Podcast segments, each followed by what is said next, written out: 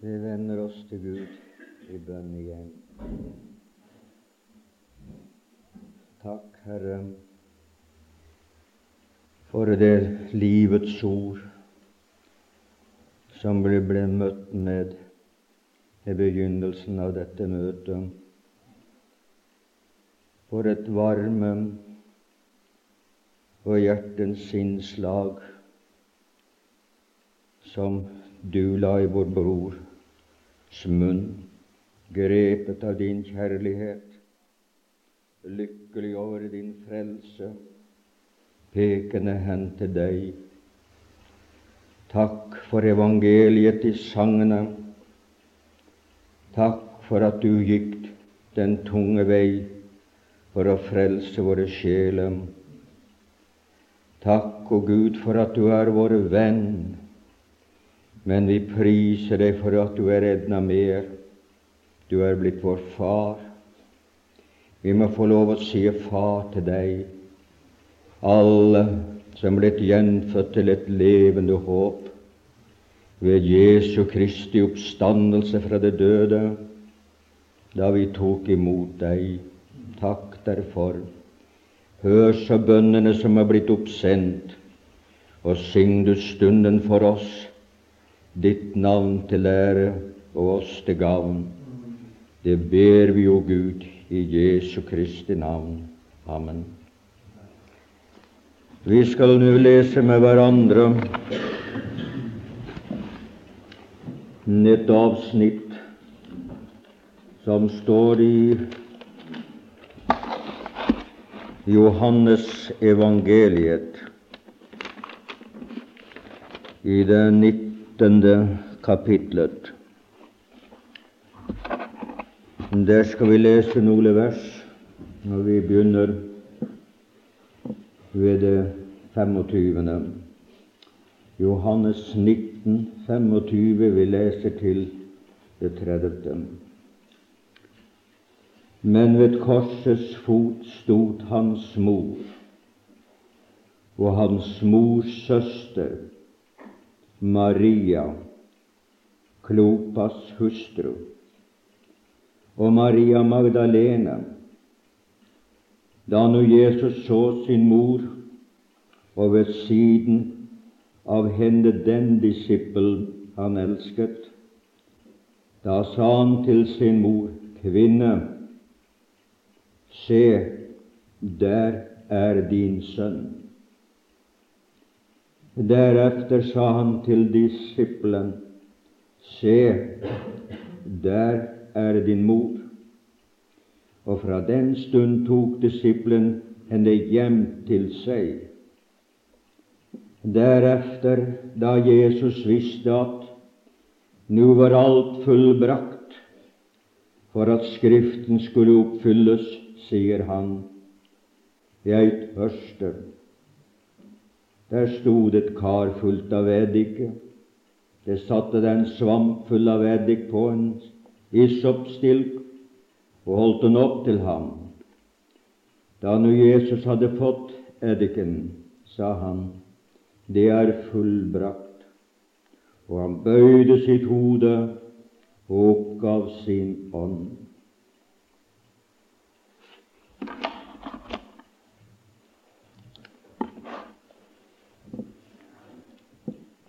Disse ordene som vi nå har lest ved hverandre,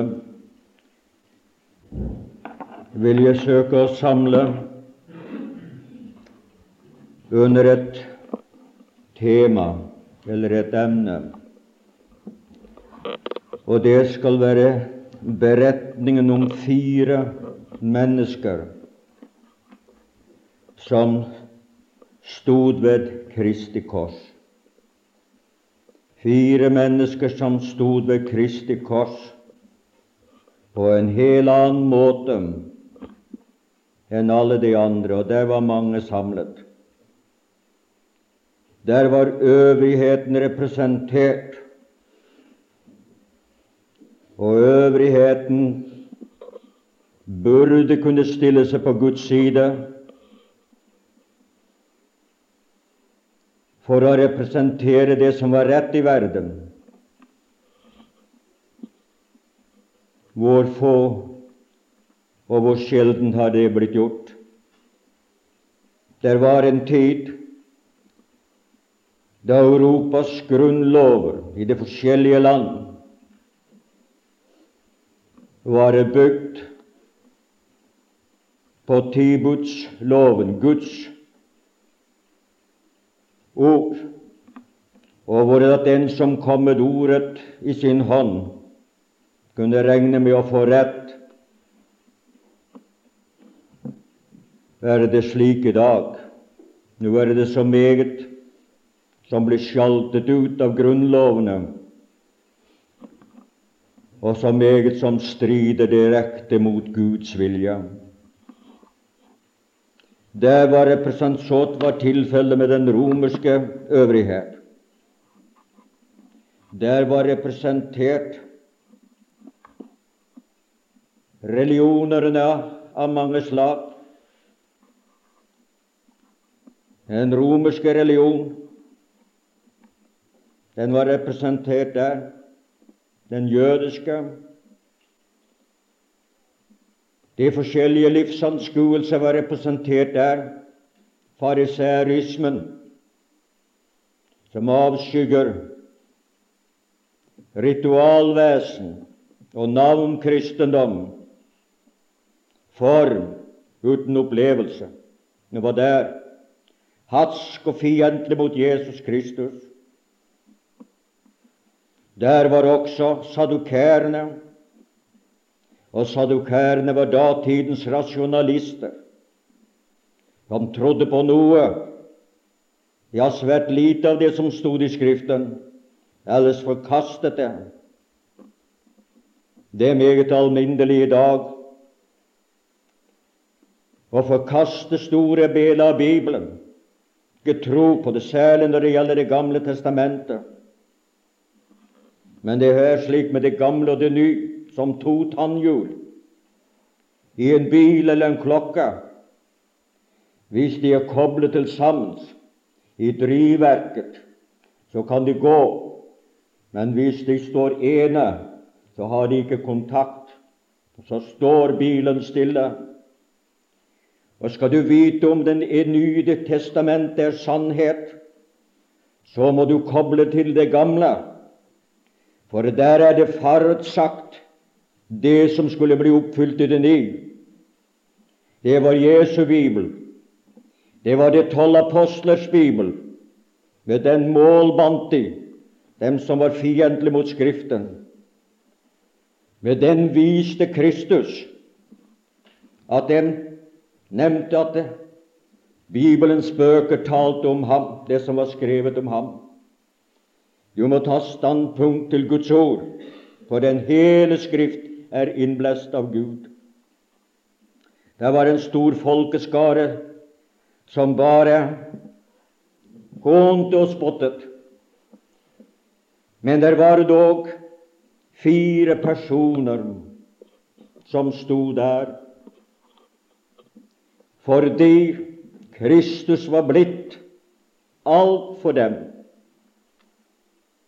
For dem ble korset det store og avgjørende i deres liv. Det satte merker og preg på dem resten av livet, som det vil gjøre for den som tar imot korsets budskap. De er omtalt i denne tekst, disse personer. Det var bare én mann, og så var det tre kvinner og disse tre kvinner het alle Maria. Tre Mariaer. De sto der ved korset. Det har alltid vært slik at kvinnene har vært majoritet. Jeg har bare vært i en eneste menighet hvor mennene var i stor majoritet.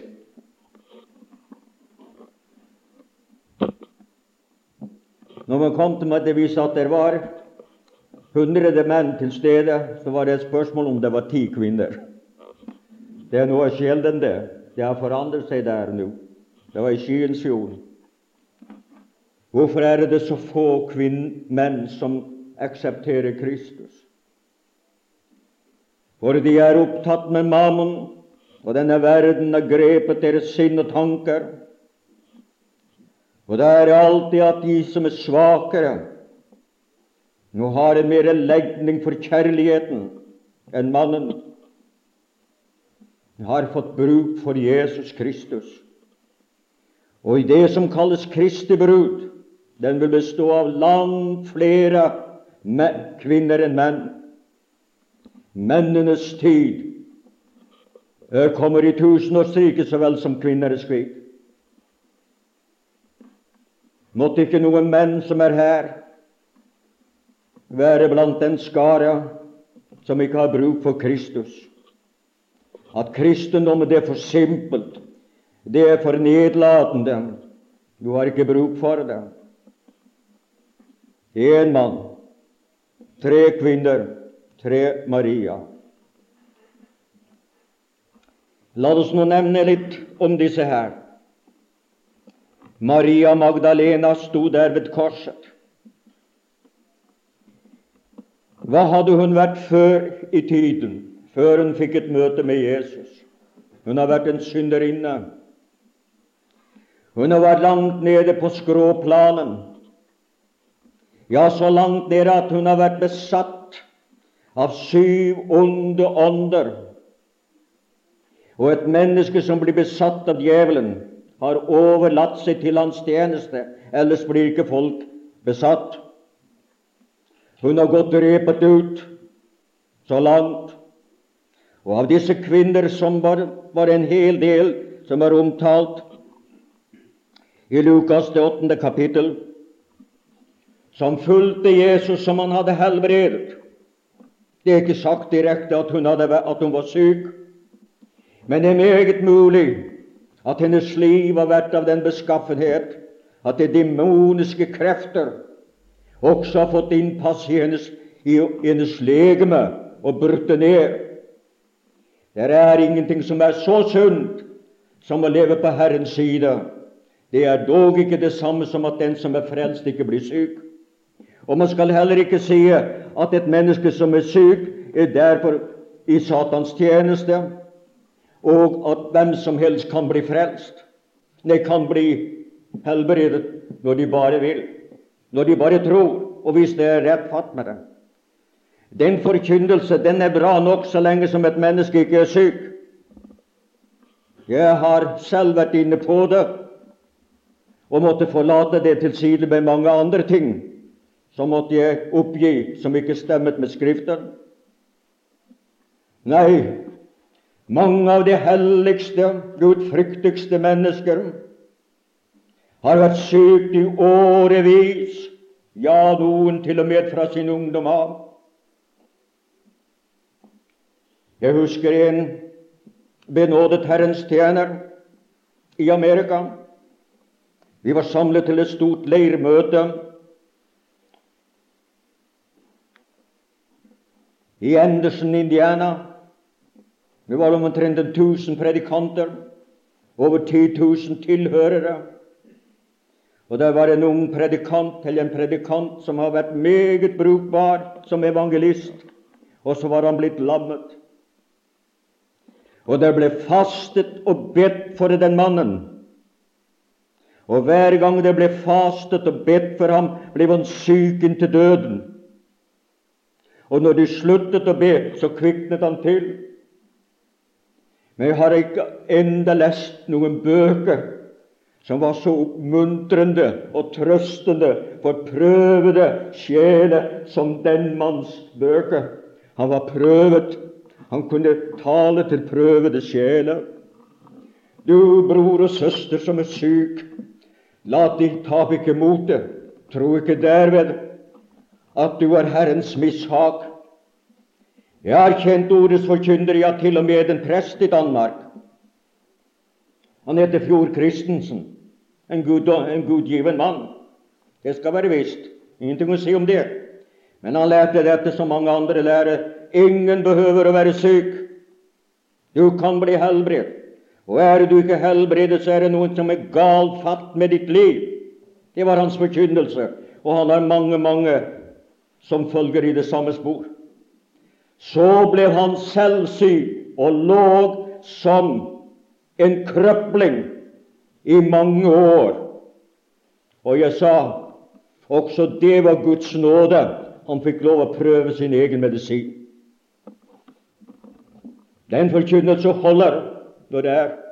Kan hende Maria hadde prøvd, og det vil si, men her var det demoniske krefter. Men nå var hun Og hvorfor stod hun det der? Det står der i Lukas at Herren hadde befridd henne. Hun har blitt fri for disse demoniske makter som har regjert i hennes liv. Og nå stod hun der av takknemlighet til ham som hadde løst henne og fridd henne fra de demoniske krefter og bånd. Hun stod der i takknemlighet. Og du og du, hvor mange Ja, vi er alle sammen takknemlige for hva Jesus har gjort for oss. Det var ikke alene takknemlighet, men det var kjærlighet. Hun elsket ham fordi han hadde elsket henne først. Kjærlighet, hans kjærlighet strømmet inn i hennes hjerte, fylt henne og beriket hennes liv. Og nå sto det der ved korset, da han skulle dø for hennes synder og sone hennes brødre. Og hun sto der.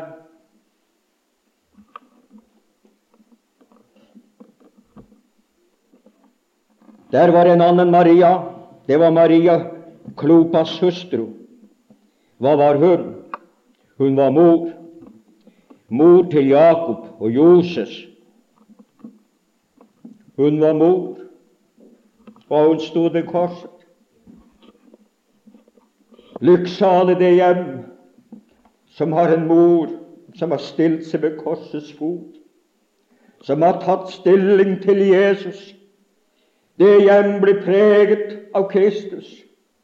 Det hjem gir barna noe som er mer verdt enn tusentalls av kroner og alt annet som kan gis. Napoleon ble spurt en gang hva er det Frankrike mest av alt trenger. Gode mødre, sa han. Ja, men hva er det det neste som de trenger, som er viktig? Gode mødre, ble det sagt. Og spørsmålet ble stilt tredje gang, og svaret var det samme. Kan hende han ikke var klar over hvor dype sannheter det var. Om Norge kunne bli fylt av kvinner, unge og gamle, som stilte seg ved korsets fot hos Jesus. Der skulle bli får i fengslene det skulle bli mindre av hasj og utskeielser. For det er hjemmet som preger de fleste og har en innflytelse over det. Den katolske kirke sier 'la meg få et barn inntil åtte år', og det skal være katolikk resten av livet.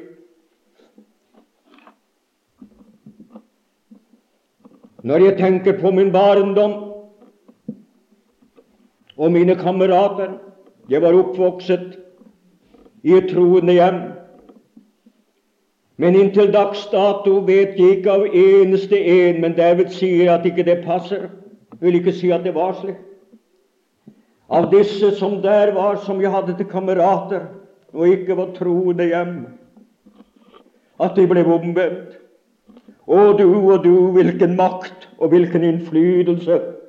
Der går der hvor dere er foldede hender, hvor far og mor folder sine hender og åpner Bibelen og bringer det sine inn for Guds åsyn. Du driver hjemmemisjon, du bror og søster. Du driver en misjon som er så stor at det drives ikke større ut i hedningelandene. Må Gud signe stedets folk. La alle vende seg til korset, til Bibelen, til Ordet. Hun sto der og det kom til å ha innflytelse både for henne og efter slekten.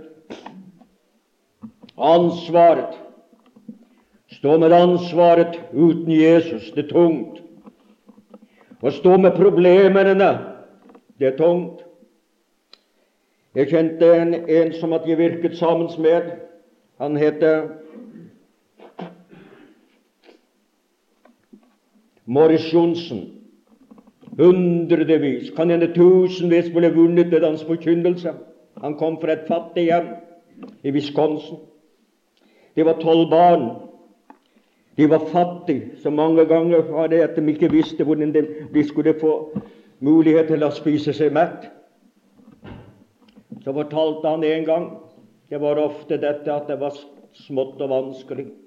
Hans gudfryktige mor gikk inn i soveværelset, dreide nøkkelen om, og så hørte det henne hvor det stod 'snakke med hver Herre'.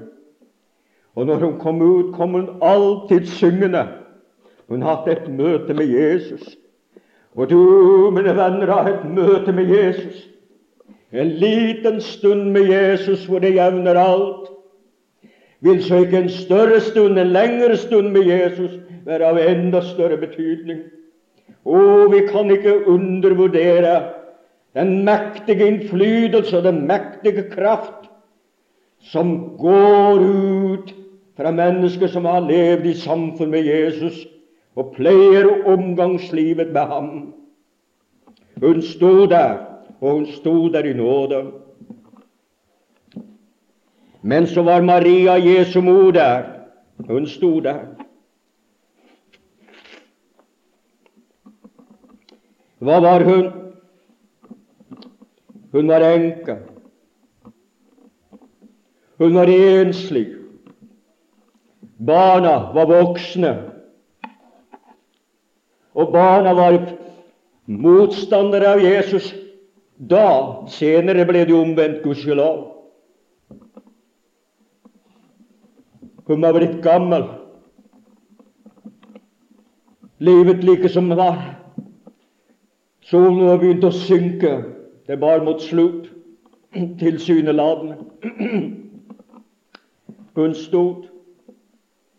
Men for henne var det meget tyngre for han som hang der, var hennes sønn efter kjødet. Og det er blitt sagt fra før, da han ble født. Da sa Simon et sverd skulle gjennomtrenge hennes hjerte. Neppe forstod hun det da, men den dagen da forstod hun det. At det som rammer mors barn, det rammer mors hjerte. Det er tungt, det. Men hun stod. De fleste ville ha sagnet i kne eller besvimt. Maria stod. Hvem ga henne denne styrke? Det var kom fra Herren. Gav henne styrken til å stå, til å holde ut, til å bøye seg for Guds vilje der. Og så ble hun stående der ved korset og se hen til ham. Gjør du det samme og si din vilje skje?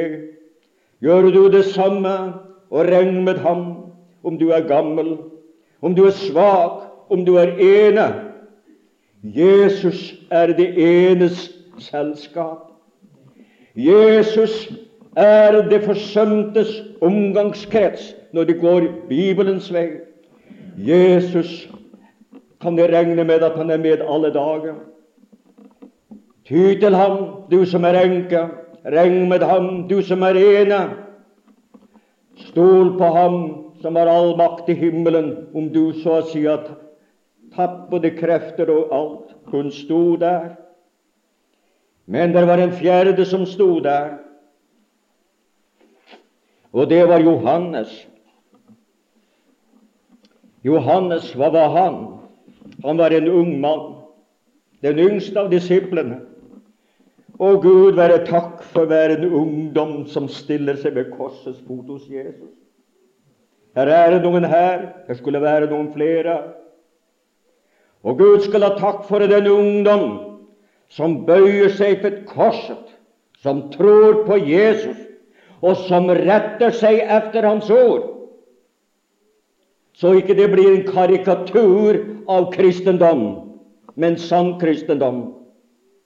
Og jeg er redd for at det er meget karikatur-kristendom som ser dagens lys, fordi man ikke holder seg til Guds ord og går utenfor Herrens menigheter, hvor enn de finnes, hvor enn de samles.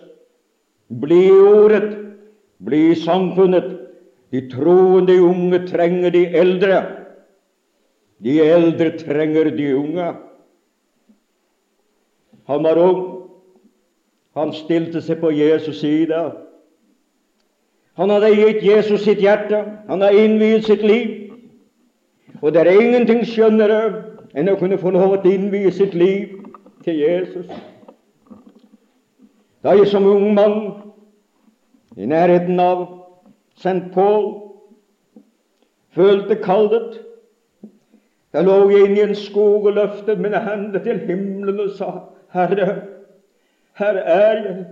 Vil du ha meg, så skal du få meg. Det er ikke stort ved meg, men vil du ha meg, så skal du få meg. Og jeg mente det av mitt hjerte, og jeg har aldri angret det. I all skrøpelighet og i all svakhet og i all uduelighet så sa jeg mitt ja. Og den som sier ja til Jesus og innvier sitt liv, vil aldri angre det.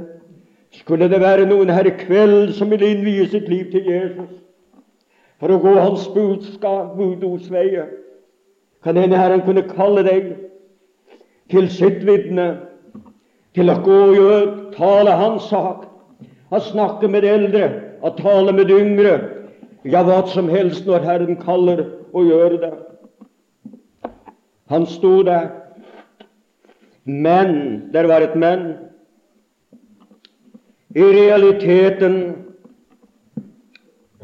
så kunne man nesten si at han var en fallen han har sviktet Jesus som de andre hadde gjort. Og enda mer han hadde rett og slett vært et redskap til å føre en annen av Jesu disipler ut i vanskeligheter som var så store for ham at han bandt det tre ganger. Det var Johannes som fikk Jesus inn i ypperste prestens gård. Det var det som det var. Du kan lese hva det står i Johannes i eh, det 18. kapittel fra vers 15 til 17. For Johannes han var kjent med ypperste presten. Og uh, han gikk ut og talte. Peter stod utenfor.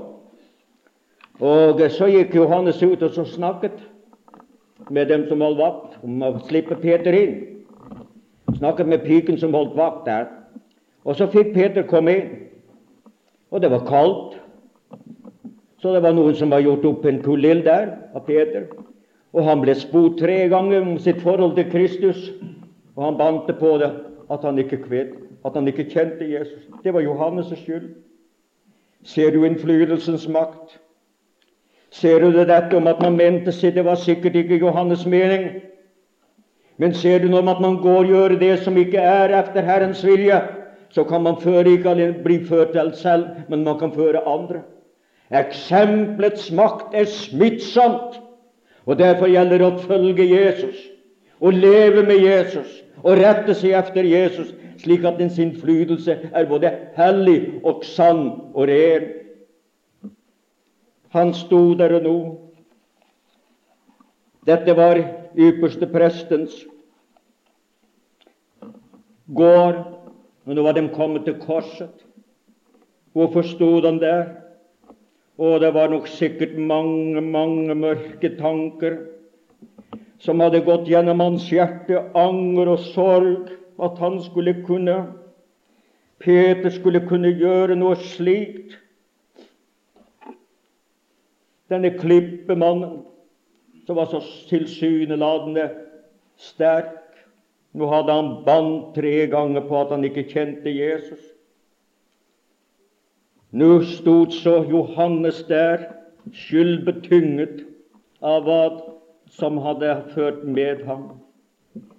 Men Jesus glemte ikke Johannes.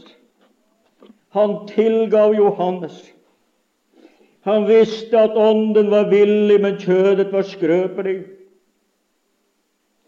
Ja, han tilgav også Peter og gav ham et ekstra møte med seg. Å, slik er vår frelser.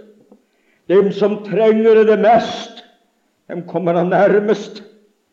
Deres sorg er størst. Deres bedrøvelse stikker dypest. Og så kommer Jesus til med sitt hviskende ord.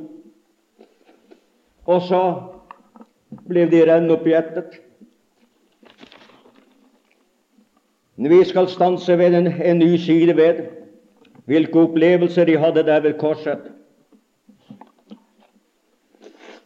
Der ved korset fikk de et blikk av Jesus. Han så på dem, står det. Å, hvilket ømt syn! Øynene er sjelens speil. Er et menneske vred, kan du se det i øynene. Er et menneske slibre, kan det også ses i øynene. Det er sjelens speil. Du så Jesus på dem. Hvilket blikk! Hans kjærlighetsblikk, hans ydmyke, hans barmhjertighet. Det kunne alt leses i hans øyne. De fikk se hen til ham. Har du sett opp, Bente? Sett meg så jeg ser det Jesus døende for meg. Gi akt på ham, sier Skriften. Det er nødvendig å ha øynene rettet på Jesus. Han fikk se. Der fikk det høre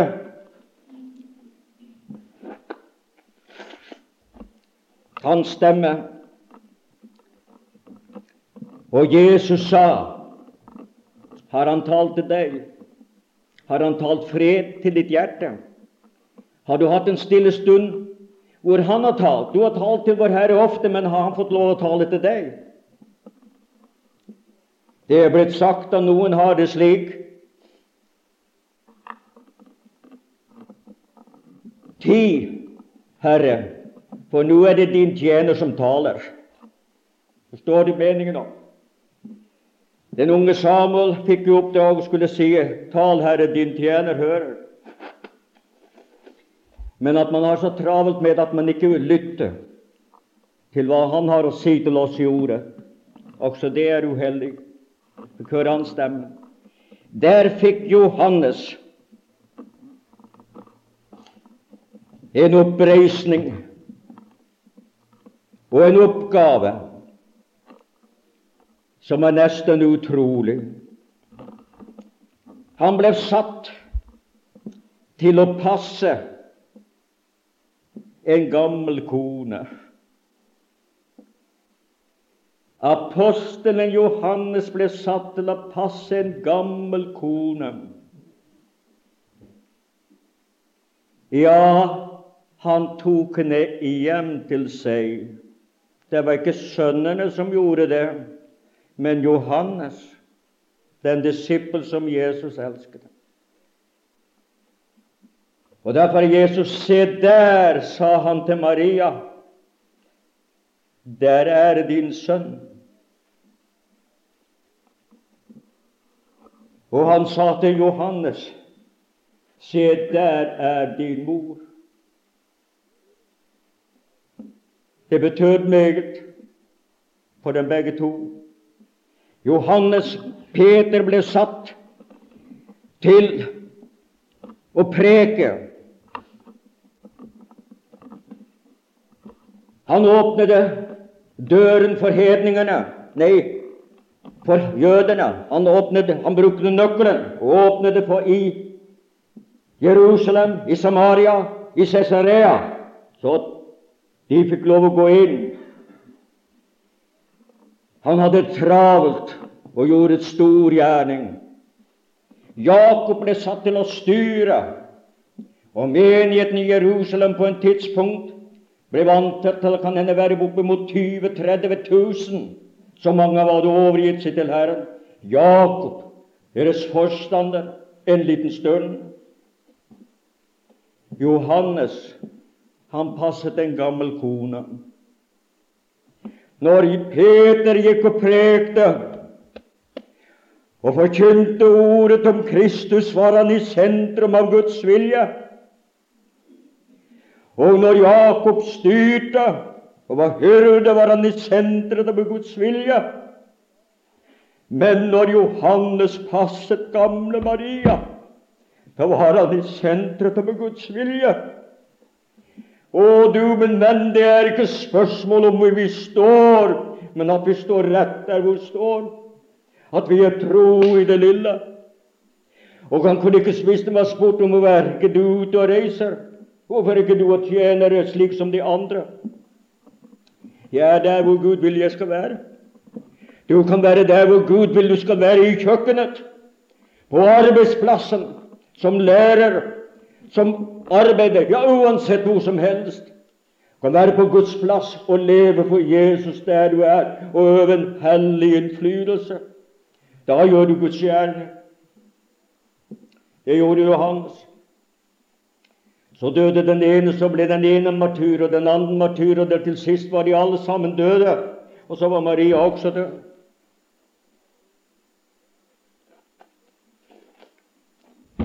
Så valgte Herren ham til sekretær.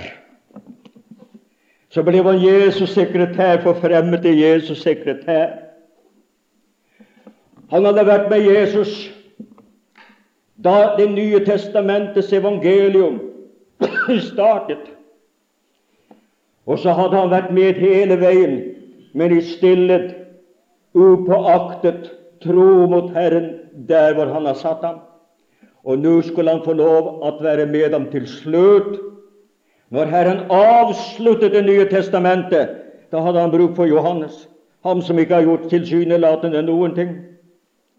Der fikk han se Kristus i åpenbaringsboken, hvordan det er i denne nådens husholdning. Og han fikk se hvordan forholdene var menighetene gjennom tidene i de forskjellige perioder enkeltvis til den lokale menighet, den enkelte person, og også periodene. Og Laudikea er endens tid. Og hva er endens tid? Hva er Laudikea? Det betyr folkets røst, folkets krav og folkets justis. Hører du nå, og ser du ting av det i vår tid? Det er vår tid, det. Det er kravmentaliteten. Den spørger seg ikke hva Gud vil. Det er folkets vilje. Hvor spørges det om Guds vilje? Det er folkets love.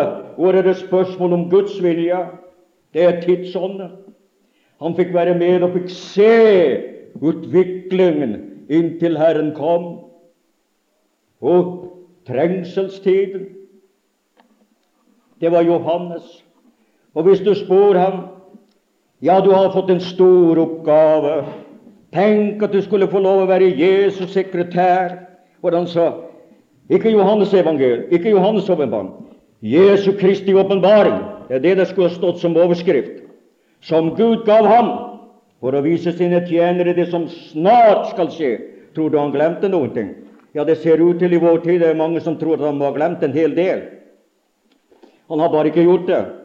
Du har Guds vilje, alt det du trenger, innenfor Bibelens permer. Du behøver ikke gå utenfor. Da blir du bedratt. Altfor mange har blitt det. Hvis noen har spurt Johannes og sagt og har spurt ham, ja, nå er du blitt forfremmet, du har sannelig fått en stor oppgave. Tenk at den siste del av Skriften, og, og så meget dine epistler, det første og det annet og det tredje, og så åpenbaringsboken, at du fikk avslutte. Du må vel føle deg særlig lykkelig. Ja, jeg er lykkelig. Men jeg var like lykkelig da jeg passet Maria. For jeg var ikke mer i Guds vilje da enn jeg nå. Så det er hemmeligheten, bror og søster.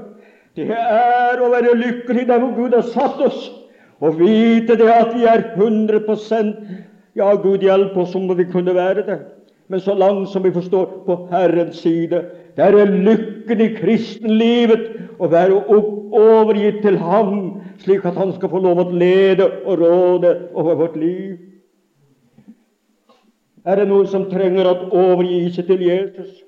som et levende offer.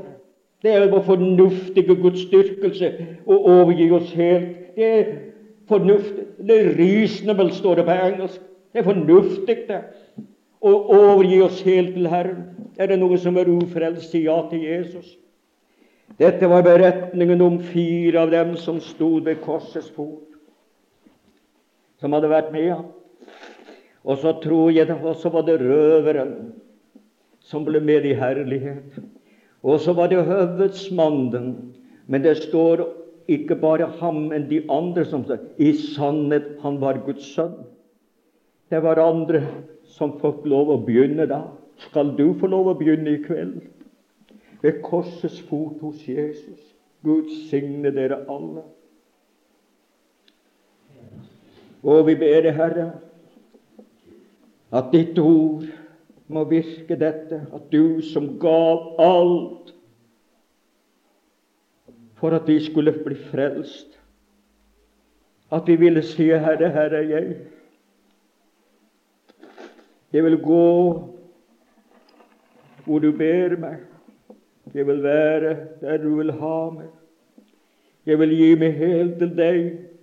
Jeg vil ikke råde, men jeg ber deg om din hjelp, så du må råde over mitt liv. For du er jo Herre, og er du Herre, ja, da skal du også herske og hjelpe oss alle sammen. Takk for ordet, og takk for trøsten, og takk for at du lever og går i forbønn for oss alle. Takk, o Gud, i Jesu navn. Amen.